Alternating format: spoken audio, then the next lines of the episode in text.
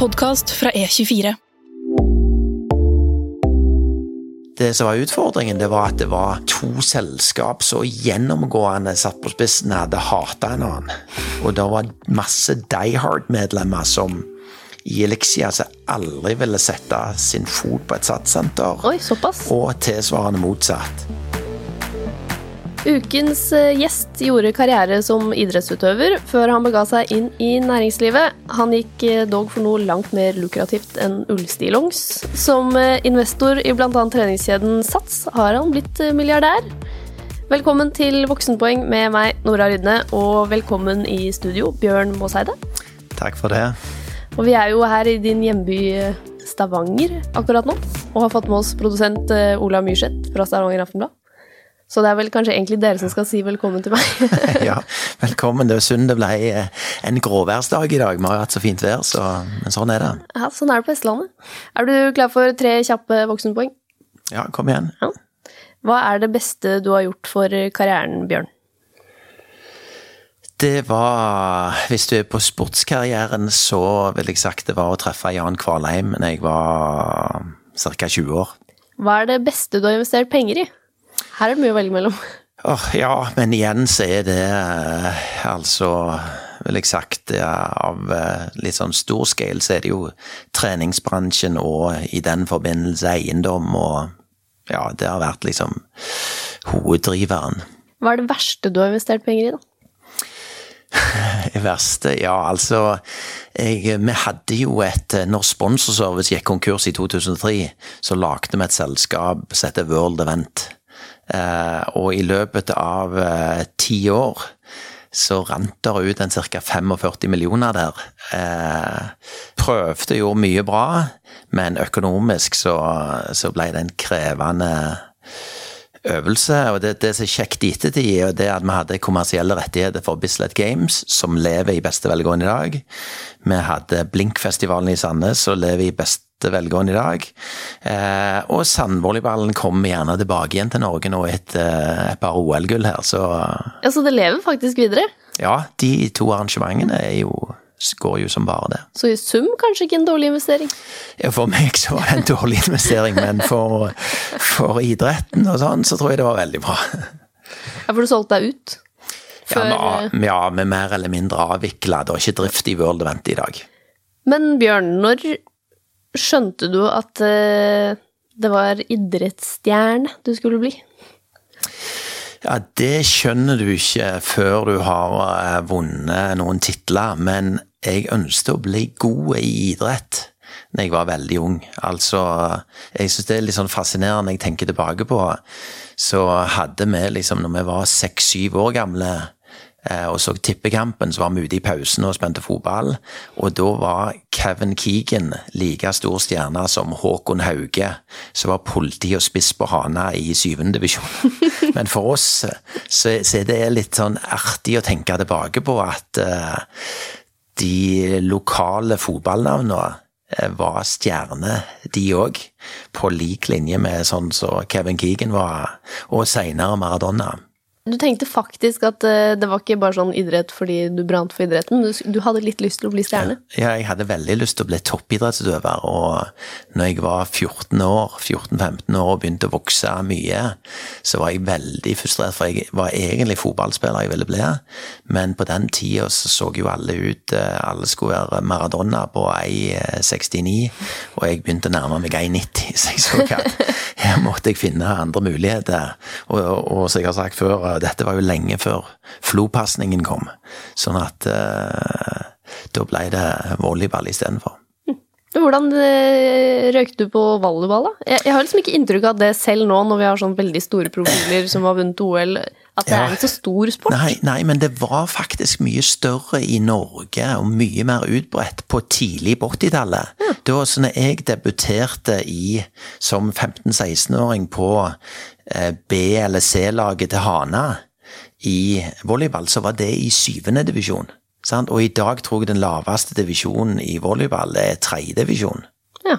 Sant? Så det var liksom en veldig sånn utbredt ting å gjøre, og så har det liksom blitt smalere og smalere. Og han delvis òg litt mer uorganisert, i og med at uh, når du spiller sandvolleyball, så trenger du ikke være medlem av klubb, eller det er liksom det Litt sånn som skaterne, altså du bare styrer på å finne en bane og ei strand og et nett. Men hvem var det som tenkte at uh, han der kan vi bruke til noe annet enn fotball? Nei, det var nok uh, han sjøl. Det var ja, det? Ja, jeg var veldig sånn uh, sant, Ifra jeg var 15-16 år, så var jeg ganske sånn uh, innpitt på å bli ganske god, og brukte jo vanvittig med tid. og ja, det sto ikke på treningsinnsats. Og, og, det var sånn at jeg ble egentlig ikke skikkelig god før jeg var nesten 21 år.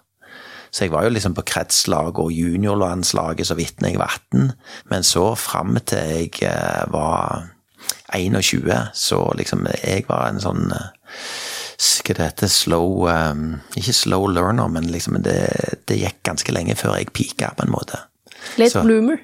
Ja, stemmer det. Og, og, det tenker jeg på er viktig, at de som vokser opp i dag, og sånn at uh, Vær tålmodig, for liksom for det om du ikke er en barnestjerne, så er det liksom uh, plutselig så er du liksom passert 20 før du uh, begynner å, å, dra seg til, liksom. Men var du tålmodig, da?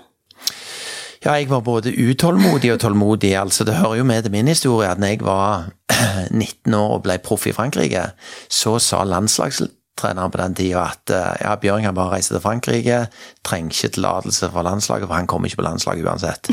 Litt sånn. Ja, greit det. Og når jeg var hadde spilt ett år i Frankrike og to år i USA og kom hjem da, så, så var jeg liksom en helt annen spiller enn når jeg reiste ut. Hvorfor det? Nei, for da hadde jeg spilt med noen av verdens beste spillere, med og mot, og i en kultur og et miljø der det var liksom bare de aller, aller beste, og ja, veldig sånn bra trenere, bra med- og motspillere, og, og så fikk jeg fysikk. Sant? Jeg var eh, plutselig sant? Jeg var liksom lang og tynn, og så Jeg eh, vekte jo sånn 7-8-90 eh, kilo. Og alle de Altså, det av muskler, det måtte trenes på, altså. Så jeg hadde ikke en sånn enkel vei. Var det da du begynte med sånn treningssenterpumping? Ja, ja, litt av det var inngangen, for jeg blei veldig god. Altså, når jeg kom til UCLA og studerte økonomi og spilte på skolelaget, så husker jeg jeg tok 75 kilo i benkpress. Og når jeg reiste derifra to år seinere, så tok jeg 125. Men det er liksom sånn eh, Og jeg hadde en erm som en kanon. Eh, litt sånn, sånn at det skjedde Jeg hadde veldig positiv eh, påvirkning. Jeg responderte veldig bra på, på det med liksom eksplosiv styrketrening. Og så samtidig, så seinere i karrieren, så opererte jo kneet noen ganger og sånn, så det, jeg måtte alltid trene meg. Det var liksom i Trene meg frisk igjen. Det var ikke liksom å hvile deg i form og frisk, du måtte trene vekter for å komme tilbake igjen. Da du gikk på videregående, så var det jo da altså bare sport som gjaldt. Men tenkte du også noe mer på hva du skulle ha som plan B hvis eh, det ikke ble idrett? For du visste jo ikke den gang at du var en late bloomer og skulle bli en av de beste. Nei, altså jeg var jo tidlig barnearbeider i uh, oppveksten. Både uh, med bilklargjøring på Avis og uh, i Fiat og Saab, og jobba jo i, på et hotell og diverse. Sånn at jeg var alltid jobba på sida av idretten på kveldstid og nattestid, holdt jeg på å si. Sånn at jeg alltid likt å tjene penger, det, og liksom å klare deg sjøl. Så, men, men jeg Altså, fra jeg var 17 til jeg var 1-22, så var det liksom Det å bli proff, leve av idretten, det var liksom det store målet. Det var det. Men var du god på skolen? Nja, jeg var sånn middels. Altså, jeg var sånn som gjorde det jeg måtte for å få papirene. Så jeg var liksom eh, Og enkelte fag var jeg bedre enn andre, men eh, jeg var ikke liksom eh, Altså, jeg har jo en sønn i dag, og jeg, jeg tenker Han og et par av døtrene mine er mye bedre på skolen enn det jeg var. Så, men, men jeg eh, trodde jo jeg skulle bli siviløkonom, jeg, men slutta etter to år på UCLA. Og jeg bruker å si jeg fikk med meg hovedlinjene. Ja. ja. Eh, du ble, det ble to år siviløkonom. Ja, eller bachelor eh, Det er egentlig sånn fireårsstudie i USA. Så du har en halv siviløkonom. Ja. eh, Det er ikke, Ja, ikke verst, så, og jeg hadde plan om å reise tilbake igjen og gjøre for, for mine credits, de, eller vekttall, de var de var holdt i ti år, så jeg tenker jeg har jo all verdens tid å reise tilbake igjen. Og nå er det, er det over 30 år siden jeg gikk ut, så Kanskje du etter hvert kan få sånn honors eh, sånn eh, Ja, det- Hva heter det? Professor emeritus, eller noe sånt? ja, det må være noe sånn. Sånn æresprofessor Ja, på Universitetet i Stavanger. Ja, sant. Hvorfor økonomi, da? For da, da har du tenkt litt? Eller? Ja, men, men jeg hadde veldig sånn eh, kvale på hva er det jeg egentlig ønsket å, å studere. Og da tenkte jeg liksom at økonomi, det er Altså for meg å sitte meg som en regnskapsmedarbeider eller en analytiker eh, ned i eh, svære tallmaterial, det, det har jeg ikke tålmodighet til. Så jeg tror liksom bare å få en sånn generell forståelse og ta det med inn i ledelse og eh, gründerperspektiv var vel egentlig eh, litt det som jeg tenkte, men hva virksomhet jeg skulle havne inn i, det var litt sånn tilfeldig, faktisk. Og at det ble USA, det var mest av volleyballen? Ja, og jeg spilte i, i Frankrike, i Nice. Jeg hadde to valg når jeg spilte i Randaberg og var ferdig med militæret. Og da gikk befalsskolen i militæret, og det var ikke forenlig med volleyball. Eh, Men jeg er glad for at jeg gjorde det. Og så hadde jeg tilbud om enn jeg reiste til Rovaniemi i Nord-Finland med en finsk trener, eller til Nice i Frankrike. Og da var det sånn Nei, jeg tror jeg tar, eh, jeg tror jeg tar Frankrike. Og der, eh, da var det sånn at du kunne bare ha to utlendinger per lag eh, på den tida. Eh, og de var som regel de to beste på laget, men jeg var ikke blant de beste, men jeg var billig. Så jeg kom inn der, og så spilte jeg mot mange amerikanere og sånn i, i serien der nede. Og de sa liksom Bjørn, vet du hva, du er for ung til å spille her. Reis til USA, få deg en utdannelse, og så kommer du tilbake igjen etterpå. Og det var liksom eh, Da hadde jeg evnen til å høre etter, og fikk eh, tilbud om et delt scholarship der borte, og reiste bort. Og da, da blomstret du og fant deg sjæl og ble god og Ja, ja, Kanonarm og- ja, og, ja, men altså, og det var jo liksom når jeg kom Jeg husker ennå, det var jo et sjokk for meg å komme til UCLA. Jeg hadde jo snakket med trenerne og vært på sånn rekrutteringstur og sånn. Og jeg trodde jo at jeg var mer eller mindre han eneste som kom til UCLA det året. Men jeg kom på første trening, så husker vi var eh, 43 mann i troppen. Og det er jo seks stykker som er på banen. Så det var liksom en ekstrem konkurranse. Og hver mandag så sto treneren og leste opp ei liste. Det var sånn After practice, I want to see the following guys. Og den lista ønsket du ikke være på. Og det var liksom det, Da var du bare ferdig. Hva, hva skjedde da? Nei, da ble du tatt av laget, og Å! Ja, da de silte av folk Ja, da silte de ned til vi var 22 mann i troppen. Du ble ikke kutta? Nei, jeg ble ikke kutta, og jeg ble savna når jeg reiste, så det var jo Det var jo bra. Og eh, hvorfor endte du med å reise med bare halv grad? Ja, nei, altså det som var Vi fikk eh, Kristine, altså hun eldste dattera, ble, ble født i Norge, men eh, ble nesten født i USA òg. Eh, for meg så ble det sånn at det å gå på skole i Los Angeles og ha en liten unge med deg der, eh, det syns jeg var for en. Da ville jeg komme hjem, samtidig som jeg hadde truffet Jan Kvalheim, og vi hadde begynt å spille i Verdensserien, så det var et sånn vindu der det var liksom bare Nå hopper vi på. Eh, og flytte hjem, flytte inn i en eh, kjellerleilighet i Sandnes. Og så var det liksom det basen eh, det første året, og så i 92-93 så begynte vi å gjøre det bra, og da kjøpte vi hus og liksom begynte å dra på det. Jeg har jo bare sett din sportskarriere oppsummert i 'Mesternes mester'. Ja. Og der fikk jeg ikke noe klart svar, mener jeg å huske, på når du bytta fra eh, sånn lag- eller innevolleyball til sandvolleyball. Nei, altså Eh, og det var en sånn glidende overgang. Altså, når jeg kom hjem til Norge, da, så var jeg liksom eh, Vinterhalvåret så var jeg spillende trener på et lag som heter Austro, et lokalt lag.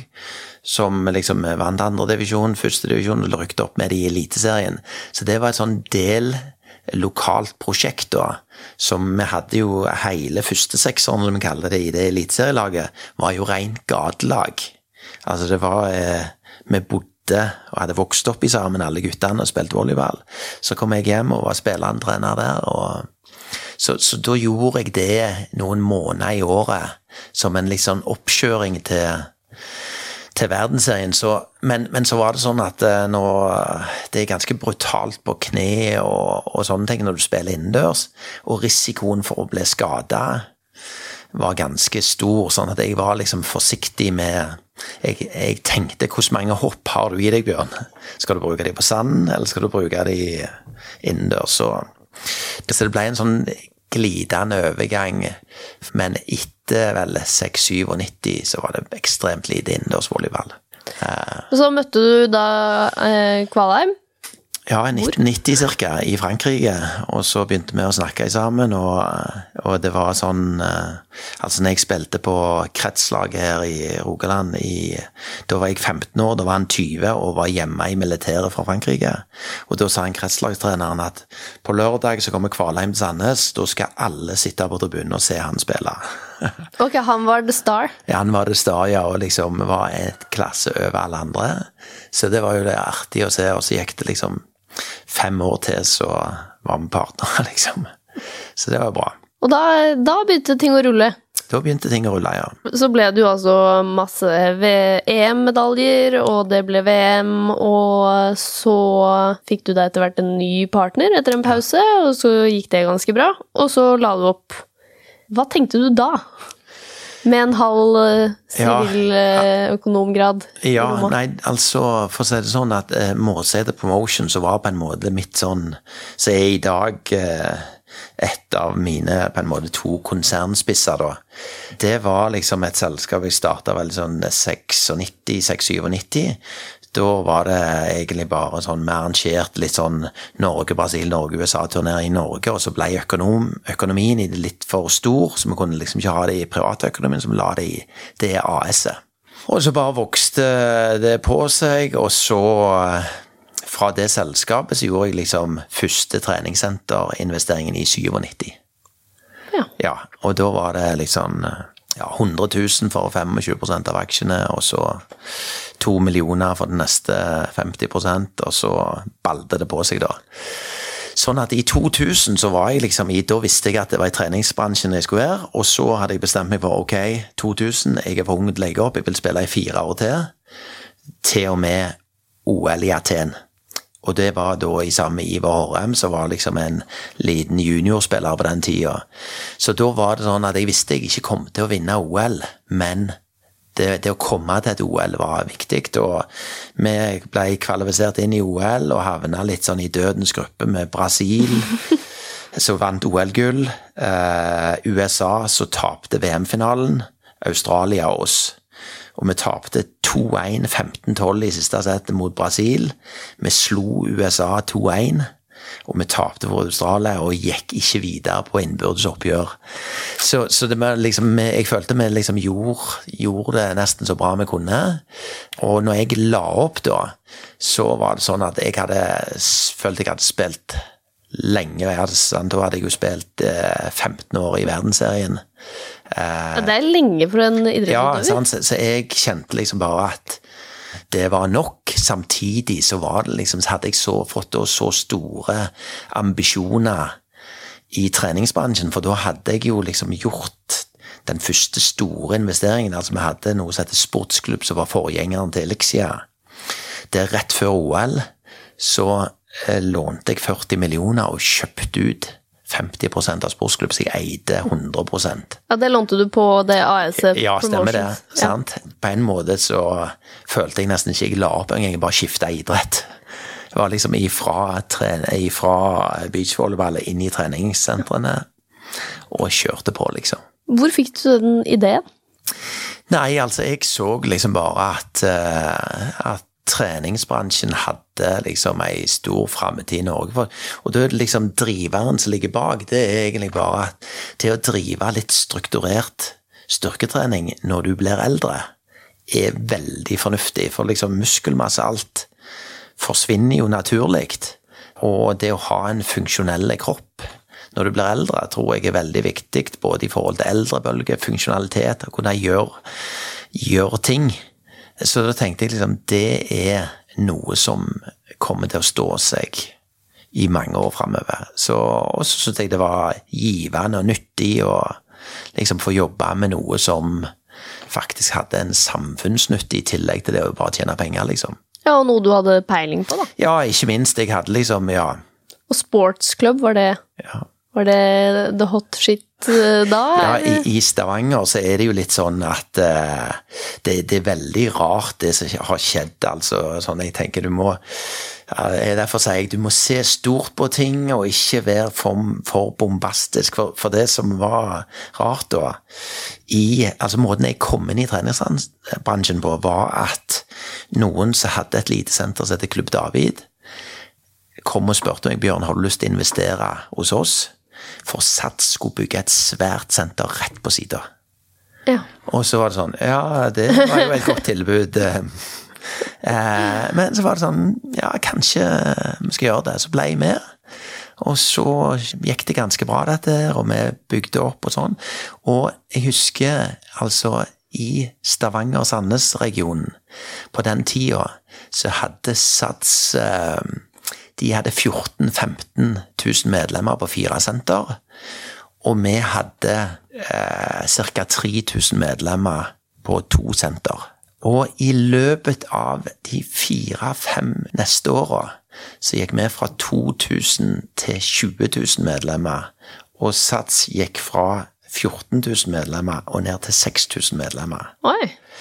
Så du vet, de fikk kjørt seg så kraftig i Stavanger var det takket være deg? Nei, det var sportsklubb, ja. Altså Den satsingen, våre fem senter og den driven vi hadde i den organisasjonen, var bare helt fantastisk. Så der satt store Sats da med hovedkontoret i Stockholm og liksom så bare at ting eh, forsvant i Stavanger. Hva var, hva var hemmeligheten? Hva var Stavanger-koden? Det var et veldig sterkt lokalt engasjement som var mye av hemmeligheten, og liksom vi sto på dag og natt og liksom eh, eh, hadde skapte gode kundeopplevelser. Så det var ikke sånn at du reklamerte med at sånn gruppetime med ja, ja, nei, jeg var ikke Og jeg var veldig tydelig på det. Gruppetrening det er det andre som kan bedre enn meg, så da får dere styre det. Men gruppetrening var jo en av driverne, og en av driverne i SATS. Så liksom hvis du tenker på den tida, at jeg skulle bli sjef i SATS Norge ti år etterpå, og at Elexia og Sats skulle slå seg i sammen, og jeg skulle sitte i styret og senere overta, liksom. Det hadde jeg aldri sett for meg. Eh, men jeg hadde alltid et godt forhold til både Elexia og Sats når den tid kom. Jeg hadde konstruktive samtaler, egentlig. For hvordan var det det her skjedde? Det var eh, sportsklubb som etter hvert slo seg sammen med Elixia? Ja, eh, og der, eh, det var en sånn ganske hyggelig transaksjon i 2007 ca. Og der ja, sånn som transaksjonen ble, så kjøpte Altså, vi gikk i sammen med Norvestor, et private equity-fond, og så kjøpte Norvestor både Elixia og sportsklubb slo dette her i sammen, som gjorde at jeg fikk ut eh, eller Morside Motion fikk ut en del cash, pluss at jeg satt eide 25 av det fusjonerte selskapet. Eh, og så satt jeg igjen med eiendommene i, på sportsklubbsiden. Ja. Eh, og så jobba vi oss videre og eh, holdt på å si gjorde noen sånn finansielle transaksjoner underveis. Og vokste dette stort fram til det skulle selges til ja, eh, det ble lagt ut for salg, og det var en prosess. Og jeg var jo i sammen med Ferd-systemet og prøvde faktisk å kjøpe det tilbake igjen, for jeg syntes at det var liksom så bra, ønsket ikke å slippe det. Eh, men da ble vi overbudt av Altor, så kjøpte Altor ut hele selskapet, og jeg ble veldig bemidla. og så fikk jeg da tilbud av Altor-gjengen, en som Reini Rindal og Hugo Maurstad, til å reinvestere i sammen med de.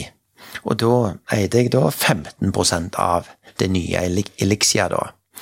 Og det var, ble en litt sånn humpete reise, for uh, Elixia var liksom en sånn Jeg brukte å si det at uh, Elixia var som en blodtrimma V4-er mens Sats var som en litt sånn rusta V8-er. Sånn at det, den eh, Elexia-motoren den holdt jo på å sprenge. Mens Sats-motoren på den tida, det var Skifta du litt plugger sånn på den og smurte den opp litt, så, så sveiv den bare veldig bra, den. Så derfor var det veldig viktig for Elixia-sida for å slå seg i sammen med Sats-sida. Så det var liksom flaks at vi klarte å fusjonere de to selskapene, tenker jeg. Men det som var utfordringen, det var at det var to selskap så gjennomgående satt på spissen hadde hata en annen. Og det var masse Die Hard-medlemmer som i Elixia som aldri ville sette sin fot på et satssenter. Oi, såpass. Og tilsvarende motsatt. Og det var mange ansatte som liksom Så det ble en veldig humpete vei i den sammenslåingen. Så, så, jeg bruker å si det at fra at vi skulle tjene 500 millioner, så tapte vi 500 millioner. Så vi hadde en veldig sånn uh, heftig periode der, og da i, i 2015 så, så, ble jeg spurt om jeg kunne tenke meg å overta som sjef i Norge, da. Uh, og på den tida så var det sånn uh, Ja, jeg følte jo jeg hadde jobb. ja, men det var liksom Bjørn, du blir sjef i Norge. Ferdig. Ok. Var det fordi ingen andre ville, eller trå Nei, altså, jeg, jeg tror at uh, Sats Norge på den, eller Sats Elixia, at jeg tror jeg uh, var vel litt sånn passe diplomatisk uh, i min tilnærming. Samtidig så det som var spesielt med sportsklubbreisen min, det var at jeg hadde vært med på alle de syv sentrene som jeg hadde i sportsklubb. De hadde vi overtatt der de holdt nesten på å gå konk, og så hadde vi snudd drifta. Sånn jeg hadde en formening om hvordan du skulle snu treningssenter fra minus til pluss, og hva som var viktig å ha fokus på, og ja, eh, gjøre det litt kjekt igjen. Så, så jeg eh, Samtidig så kom jeg inn i et satseleksiasystem, som hadde veldig mye bra folk og kompetanse, sånn at eh, det var liksom jeg var, hadde vel den jobben i 26 måneder, som var vel et år lenger enn jeg hadde sett for meg. Men uh, det var liksom eh, en krevende snuprosess. Så, og, og, selskapet var jo i en så fantastisk situasjon fram til børsnotering og fram til covid. Og så har de bare fått uh, hele bransjen har jo fått seg en skikkelig karamell gjennom covid nå. Så jeg er jo imponert til hvordan bransjen har klart å håndtere det i det hele tatt. Og litt glad for at du ikke satt som sjef uh, ja, noe sted akkurat da? Altså, I Sats er det jo uh, Sondre Gravier som har kommet inn som uh, konsernsjef fra skipsstedsystemet deres. så jeg er veldig glad for han kom med sin digitale kompetanse og tilnærming, og syns de har vært veldig flinke å styre gjennom pandemien, altså. Jeg må si det. Du ville jo bli konsernsjef eh, selv eh, i Sats. Eh. Ja, altså jeg var jo veldig sånn at jeg, det var akkurat når, når denne fusjonen kom opp, så tenkte jeg ok, Bjørn, nå, akkurat nå er du perfekt mann til denne jobben. Og så valgte de en annen modell. Godt eller dårlig, men det, en gjorde de valgene som en gjorde, og så ble det jo egentlig bra til slutt, da, men eh, ja, sånn er det. Det er ikke alltid du får de jobbene du vil ha, vet du. Så jeg uh, har ikke blitt arbeidsledig av den grunn. Er du bitter for det? Tror du at det hadde gått bedre hvis du hadde fått sitte der, eller? Uh, Var det greit nok med eh, norgessjef? Eh, nei, altså sant, det blir liksom sånn Du kan ikke sitte og kritisere de som overtok og ble eh, altså Det var jo en som het Olav Torstad som ble eh, konsernsjef i SAT, så jeg hadde et ryddig forhold til Olav, og jeg ble jo hans norgessjef, da. Så, men det er jo alltid litt sånn spesielt når du sitter i styret, og så går du ned i organisasjonen, og så er du den største private eier, så, så, du skal jo ha en sånn gjensidig respekt, så du må på en måte bare si ok, sånn er det, og så styrer du på. Så jeg følte jeg eh, var med på en dugnad, og eh, det ble en lønnsom, bra dugnad, og alternativet syns jeg var veldig dårlig. Men du gikk jo inn i et ganske stort selskap i da, en veldig krevende prosess, mm. med ikke sånn voldsomt mye ledererfaring eh, og ikke noe særlig utdannelse. Hvordan, hvordan, var det? Nei, det var Det gikk egentlig, altså Du kan si at hvis du har eh, Sånn som jeg hadde jo på en måte vært eh, arbeidende styreleder i sportsklubbsystemet i mange år, og nestleder i styret på, på Elixia. Eh, og der vi hadde vel Vi hadde vel 70 senter i Elixia-systemet, men, men eh, du kan si at jeg hadde jo da, i, mens jeg spilte volleyball og styrte på, så hadde jeg jo syv daglige ledere og en CFO som rapporterte til meg i slutten jeg spilte volleyball og drog det videre òg. Så jeg var jo vant med en rapporteringspakke. Og når jeg kom inn i, i Satseleksia, som det heter på den tida, så, så hadde jeg jo ei ledergruppe som besto av åtte-ni personer som rapporterte til meg, og så ble den riktignok utvida til tolv personer. Men eh, eh, altså, virkemidlene når du skal lede et selskap som sliter jeg tror det er Det er klart det er behov for mer struktur i en større organisasjon, men du har òg flere hjelpere. Så sånn sett så er det jeg skal ikke si at det er same same, men, men jeg følte meg veldig komfortabel med Selv om det var 4000 ansatte, så så var jeg eh, veldig komfortabel, egentlig. Og 4000 ansatte der ikke alle var fornøyde?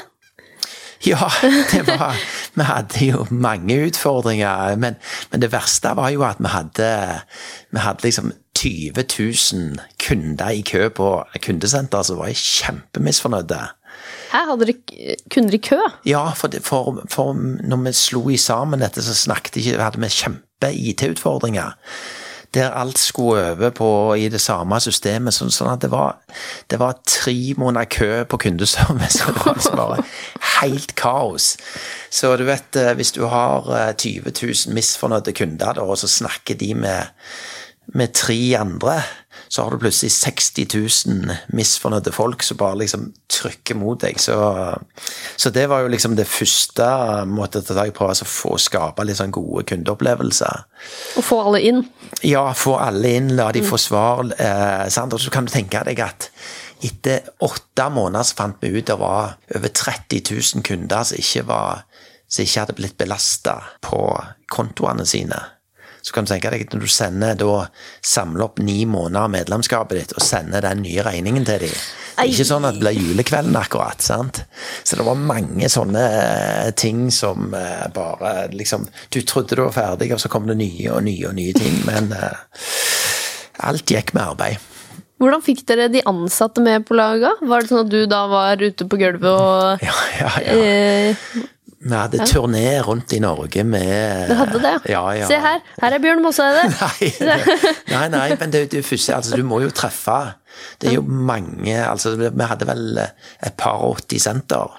Så jeg hadde en runde på alle sentrene med en gang jeg ble ansatt der. Og jeg hadde la, lagde en plan eh, fra da mars og fram til sommeren. Og var to runder og satte oss mål og Ja, ei, ei artig tid, men, men, jeg var overraska over hvor krevende det var å snu ei skute som går nedover. Så, så, jeg husker liksom det at vi, vi gikk ifra sånn 205 000 medlemmer og prøv, og liksom gikk sakte, men sikkert. Og vi var nede på 180 000 medlemmer før det snudde.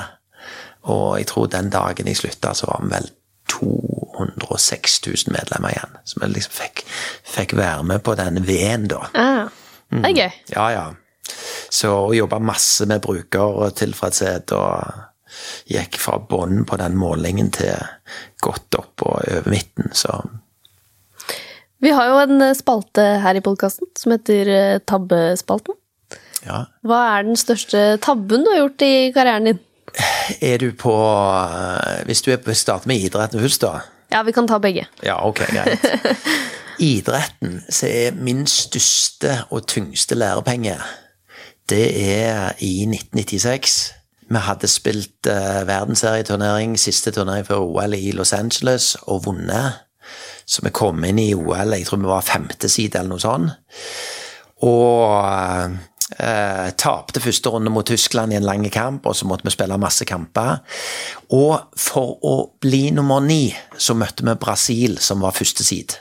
Så var det Norge-Brasil, første mot femte side så var liksom utenkelig at vi skulle havne der nede. Så vi spilte da mot Brasil. På stillingen 10-9 så sto stillingen i 25 minutter. Samme stilling. For det var sånn du måtte ha serven for å skåre poeng.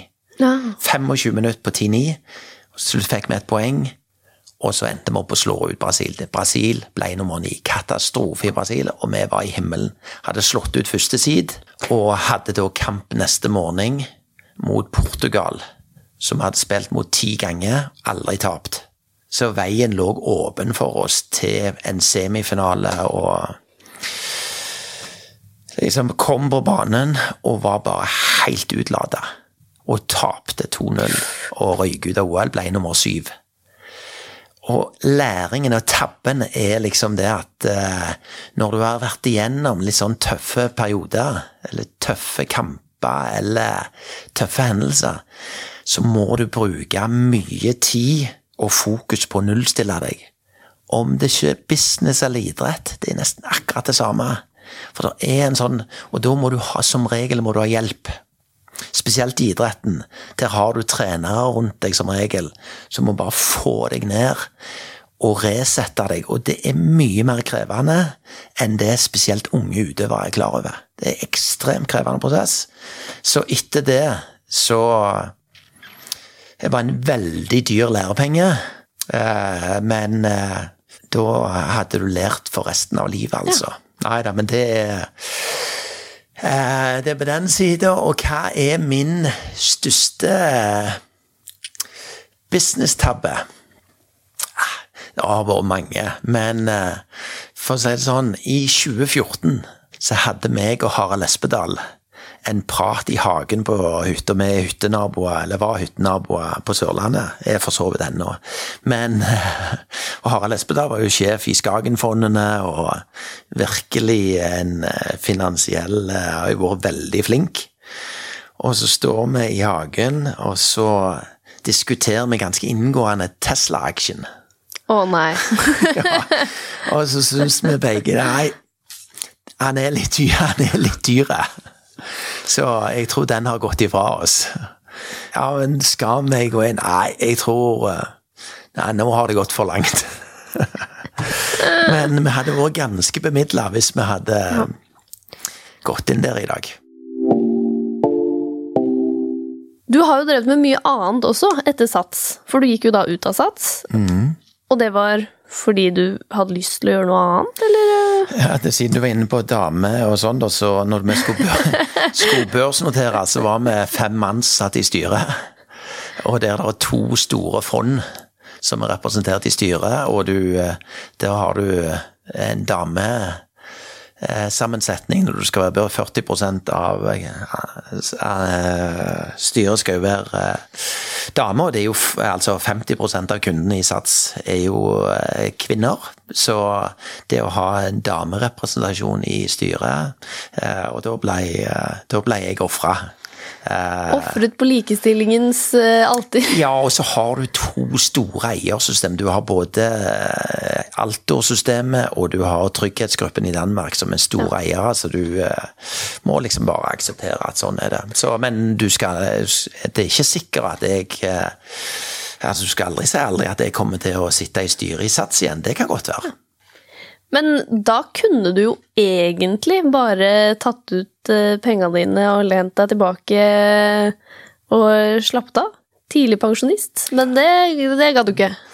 Nei, og jeg, jeg, tror det er som for meg og for alle mennesker som bor i Norge, så tror jeg det er givende å ha en jobb å gå til, noe å drive med. Det er liksom eh, Jeg tror bare det er så utrolig viktig. Eh, så, så for meg har det aldri vært et alternativ. For Kraftfinans, når, ja. når gikk du inn uh, der? Ja. Altså i Kraftbank. Det var jo en veldig annen bransje enn det du ja. var liksom kjent med fra før. Ja, og, og, det når det gjelder kraft uh, Ja, altså, jeg kom inn i uh, Kraftfinans egentlig i 2008.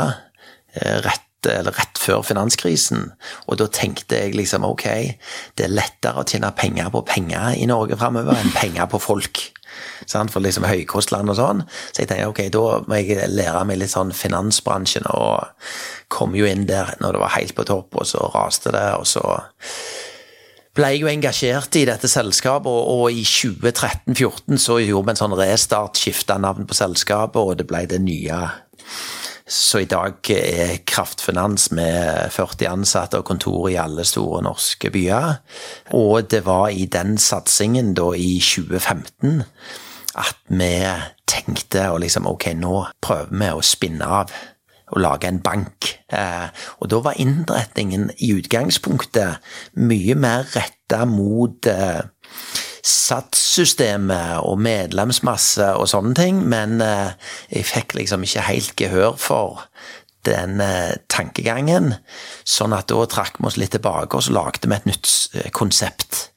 Uh, og det var da Sven Ivar Førland hadde kommet inn som Så er jo en, en er veldig erfaren bankmann. Han kom inn som styreleder i, i Kraftfinans, og ble da påtroppende banksjef i, i Kraftbank.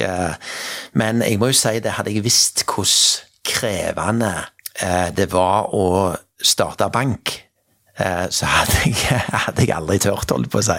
Mer krevende enn å slå sammen treningssenter? Ja, altså, for det er en sånn vanvittig prosedyre eh, og dokumentasjonskrav og så mye du må forholde deg til, og du, så du skal lage klar før du før du får, både før du får konsesjonen. Og, og, så er det jo dette her med at ok, så søker du, så brenner du av tre-fire-fem millioner frem til du har en konsesjonssøknad klar. Sender du den av gårde gjennom eh, noen dyre advokater. Og så, når du, får, når du, har fått svaret, så har du brukt gjerne syv-åtte millioner. Og så får du svaret, og så sier de jo du får lov å starte sånn og sånn, men du må hente 300 millioner i egenkapital før du starter. Og så har du, du har ingen ansatte, du har null inntekter, og så skal du da hente 300 millioner ute hos investorene. Og så er det jo sånn at av 60 000 bedrifter som starter i Norge hvert år, så er det 72% som ikke eksisterer etter fem år. 72 så, så det er liksom bare snaut tre som overlever. Og så står du der og sier det, men nå skal vi investere 300 millioner inn i noe som skal bli noe. Og så var det fantastisk at vi fikk det til. Og jeg tenker liksom på den reisen, bankreisen med det teamet i Kraftbank. Og, og der hadde vi jo eh, så hadde jo vi har jo Harald Norvik som styreleder. Eh, så òg en historie, bra historie i seg sjøl. Men, men når vi ser tilbake nå, sant, tre og et halvt år etter vi starta, så er det 40 ansatte. Det er børsnotert, eh, investorene har hatt god avkastning, de ansatte har eh, gode lønninger og eh, liksom har et konsept som fungerer. Mange folk har blitt friskmeldte. Og selskapet Kraftbank blir gjerne Sandnes sjett syvende største skattyter i 2021. Eh, Så det er liksom en fantastisk historie, egentlig. Og som en av idrettsutøverne som har tjent pengene sine på veldig forskjellige ting, så lurer jo alle egentlig på når det kommer Bjørn Måseide beachwear. det er liksom nei, det du mangler. Det er ja. det alle de andre idrettsutøverne har. Ja, nei, altså, for, for å si det sånn Det, det kommer ikke til å komme beachwear fra meg, men det kommer til å komme paddle-utstyr ifra oss. Det kommer det, for det er Men skal det hete Bjørn Moseide?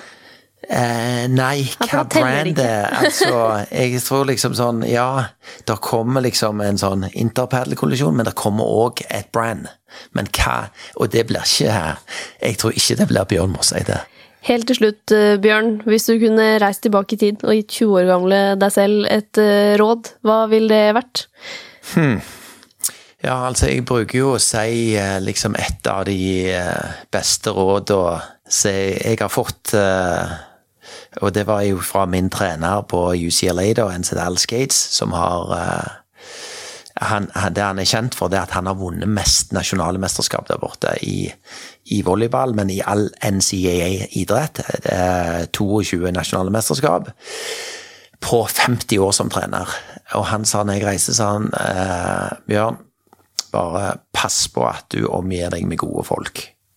Eh, og det vil jeg sagt til alle som uh, vokser opp, at eh, det er mm, eller kommer seg inn i, i forretningsverden, så tror jeg det er viktig det å prøve å finne gode folk. Og det samme med idrettsutøvere i det du er i ferd med å legge opp. Prøv å komme i sammen med folk som har gjort noe bra før, og eh, så vil det godt. Det er kjempeviktig.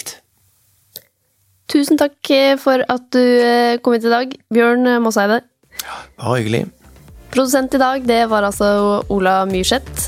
Og det er hjemme i Oslo Sunniva Glessing og Kristine Masdal Odne.